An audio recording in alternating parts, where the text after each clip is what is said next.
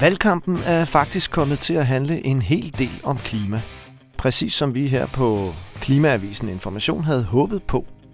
Og især er valgkampen indtil videre kommet til at handle om, hvordan dansk landbrug skal omstilles til at blive mere klimavenligt. Det skal vi dykke ned i i dagens udgave af Information går til valg, podcasten, hvor vi går mere op i substans end taktik og strategi. Jeg hedder Anton Geist, og med mig her i vores lille podcaststudie i Store Kongensgade har jeg graverjournalisten og levemanden Lasse Skov Andersen. Velkommen, Lasse. Tak skal du have. Du har jo sammen med vores kollega Bo Elkær lavet sådan et temmelig grundigt faktatjek på denne her fortælling, der har floreret om, at dansk landbrug skulle være førende i forhold til at producere klimavenlige fødevarer. Lad os begynde med udgangspunktet, som jeg lige omtalte her. Kan du sige lidt mere om, hvad det er for en fortælling om dansk landbrugs sådan klimaeffektivitet, som I har undersøgt i det her faktatjek? Det er jo en meget, meget stærk fortælling, som har altså præget øh, dansk klimapolitik, eller mangel på samme i forhold til landbruget i nærmest et årti. Nemlig forestillingen om, at vores animalske landbrug er sådan, ja, animalsk landbrug som sådan er måske ikke så godt for klimaet, men vi er til gengæld dem, der gør det mindst skidt.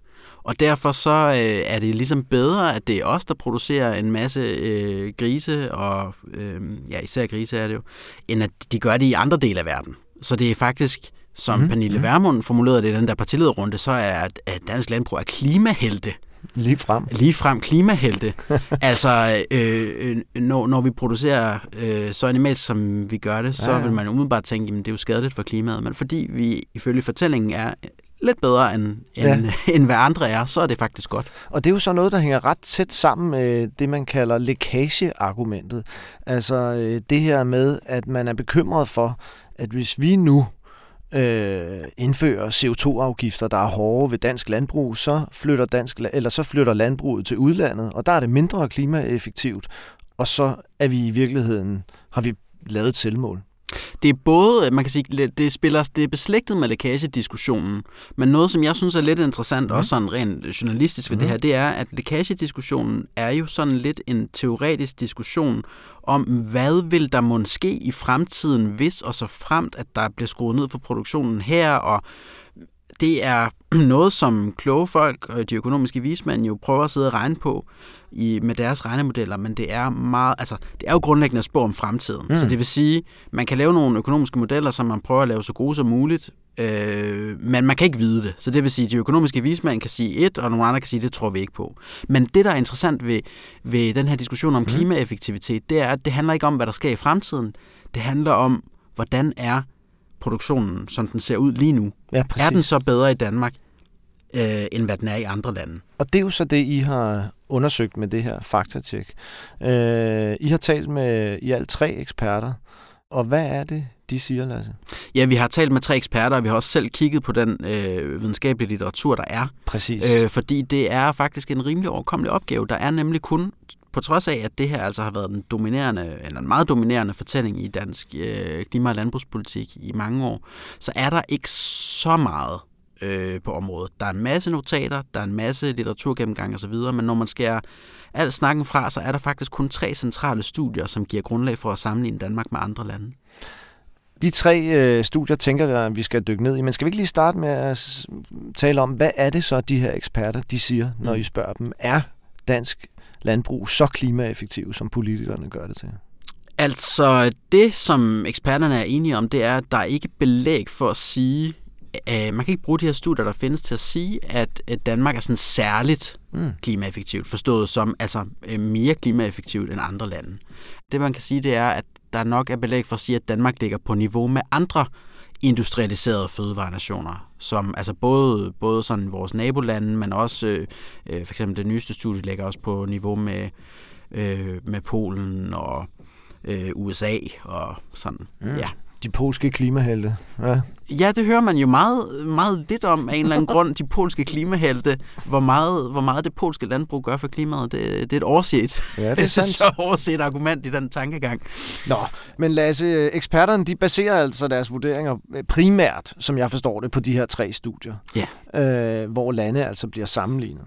Øhm, jeg tænker, vi ser lidt nærmere på de tre studier. Øhm, det første studie, øh, det er det her. Nu kigger jeg, bladrer lige i din artikel her.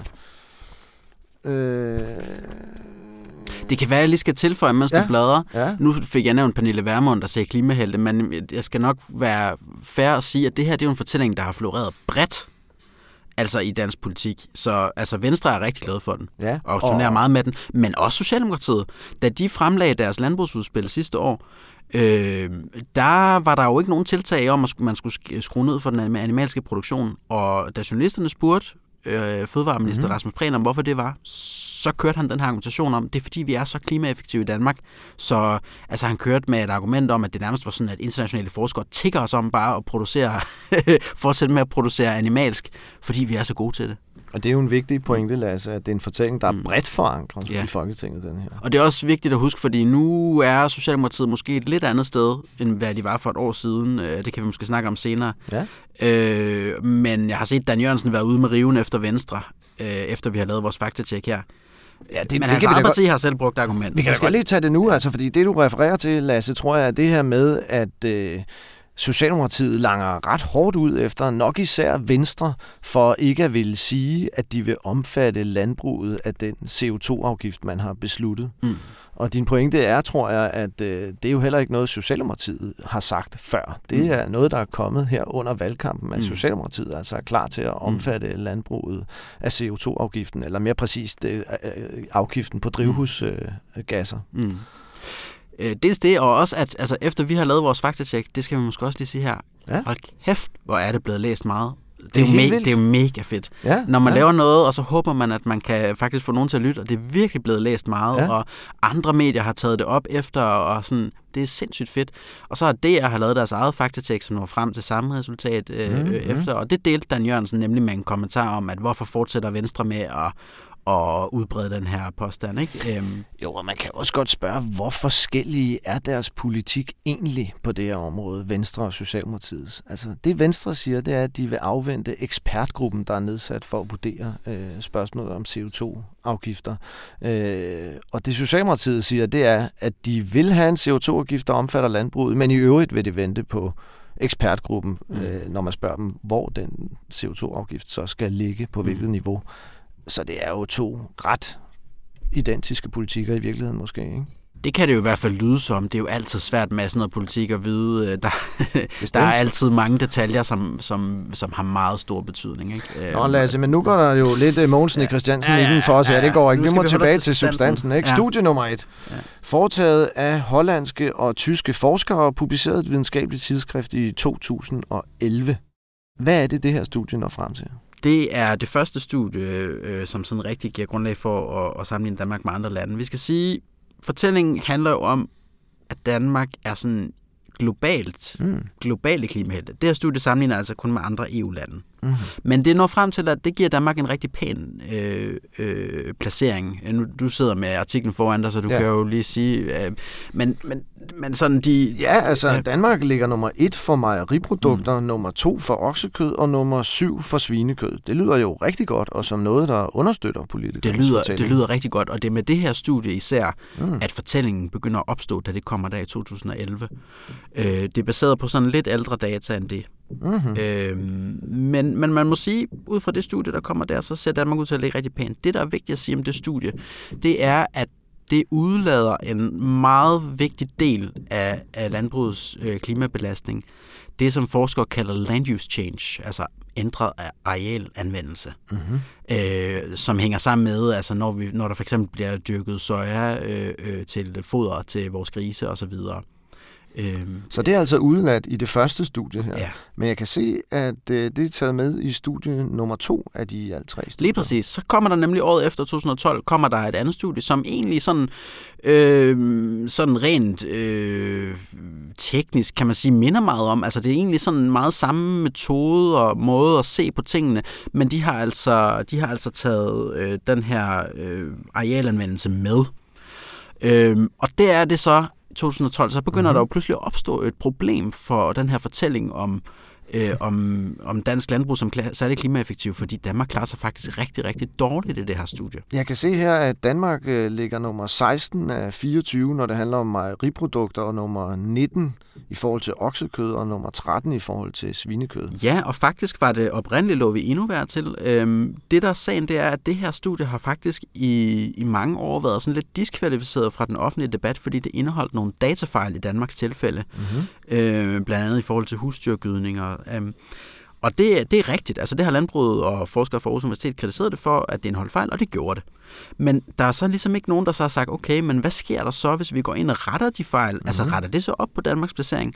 Og det har Tænketanken Krakas så gjort her tidligere i år. Det er utroligt faktisk, der har skulle gå så mange år, inden mm-hmm. nogen har gjort det. Men det har de så gjort tidligere i år. Der kan man se, at Danmark placerer sig, ja, ikke særlig godt. Det var de placeringer, Ja, du det, læste var, op. det er rigtigt. Det er Og de placeringer, efter, jeg læste det op er her. efter, man har rettet fejlene. Ja, Ja. der bliver vi altså nummer 16, nummer 19 Ja. og nummer 13 for mejeriprodukter, oksekød mm. og svinekød. Nej, det er jo ikke så imponerende.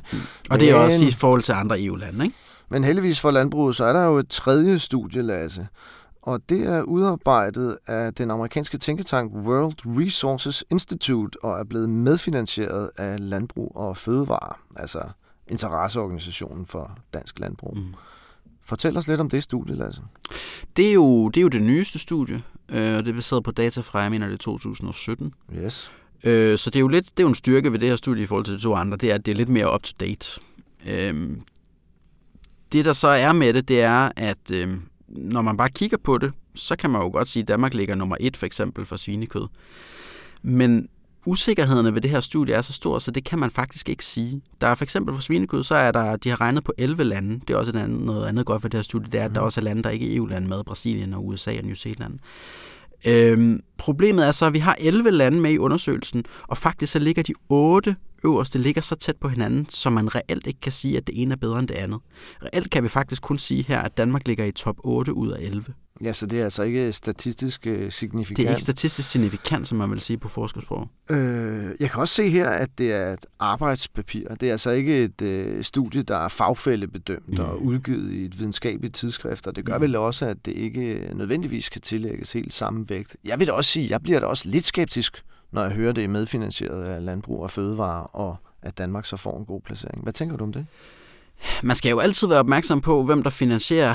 Øhm, samtidig så må man også sige, man må jo, man må jo, man må jo tage øh, folk på argumenterne Mm. og på dataene. Mm. Man kan jo ikke bare, man kan jo ikke bare sige, at fordi det her studie har fået medfinansiering fra Landbrug og Fødevare, så kan vi slet ikke bruge det til noget. Man bliver nødt til at kigge på, hvordan er det lavet, og er det savligt, og hvad når det frem til, osv.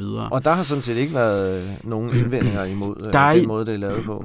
Der er jo nogle metodiske valg, man tager her, mm. Som man øh, kan diskutere, og som andre forskere vil gøre anderledes. Mm. Mm. Øhm, jeg ved ikke, hvor, hvor meget tid har vi til at gå ned Ej, i det? Lasse, det, det får vi nok ikke tid til. Øh, men det er i hvert fald på denne her baggrund, at de tre forskere, som I taler med, konstaterer, at øh, Danmark er ikke nogen sådan førende nation, når det kommer til landbrugets klimaeffektivitet. Man kan sige, at der er ikke belæg i forskningen for, at Danmark øh, skiller sig ud som særligt klimaeffektiv. Sådan, øh, Øhm. sådan er det. Og så, så er der nogen, der har sagt, har jeg set i debatten, Nå ja, men man, øh, det betyder jo ikke, at Danmark ikke er bedst. Det kan jo sagtens være, at Danmark er bedst. Ja, ja, men det er altså ikke den måde, Mm. øh, det er ikke den måde belæg fungerer på. Det er ikke den måde, altså... Øh, man skal jo gerne kunne dokumentere. Mm. en påstand. Mm. Man kan jo ikke bare sige, måske er vi bedst. Ja, måske, måske ikke. Og det er de tre forskere sådan set enige om her. Mm. Øh, men deres konklusion på, hvad dansk landbrug så skal gøre fremad, for bedst muligt at understøtte den grønne omstilling, den er faktisk forskellig, og det dykker mm. Du også en lille smule ned i artiklen. Ja, det, det er faktisk meget sjovt øh, ja. skæld. Altså, der er ligesom to forskellige idéer om, hvordan man kan være et grønt forgangsland i forhold til landbruget. Der er ligesom nogle af de forskere, som, eller nogle af de eksperter, vi har talt med, som ligesom tænker, det bliver, vi bliver simpelthen bare nødt til at være mindre animalske i vores øh, landbrug. Øh, færre grise, færre køer osv., for ellers kommer vi ikke i mål. Fordi altså, når vi dyrker grøntsager, det er simpelthen bare så meget mindre klimabelastende. Øh, det er vejen frem. Mm. Men så er der Jørgen E. Olesen fra Aarhus Universitet. Han har en anden vision, nemlig at Danmark skal være verdens kødlaboratorium. Fordi han jo ligesom har en forestilling om, at folk holder nok ikke op med at spise kød.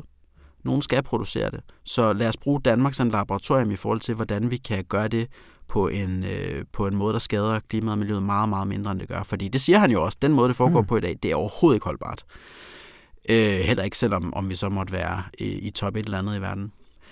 Og det, det kan man jo så mene, altså skal vi satse på den kendte teknologi, der hedder grøntsager, eller skal vi satse på ukendte teknologier, der er på vej, øh, som måske forhåbentlig kan gøre, at vi kan gøre, producere øh, kød- og mejeriprodukter øh, med klimavenligt. Tør du, Lasse, våge dig ud i en vurdering af, hvad der er klogest?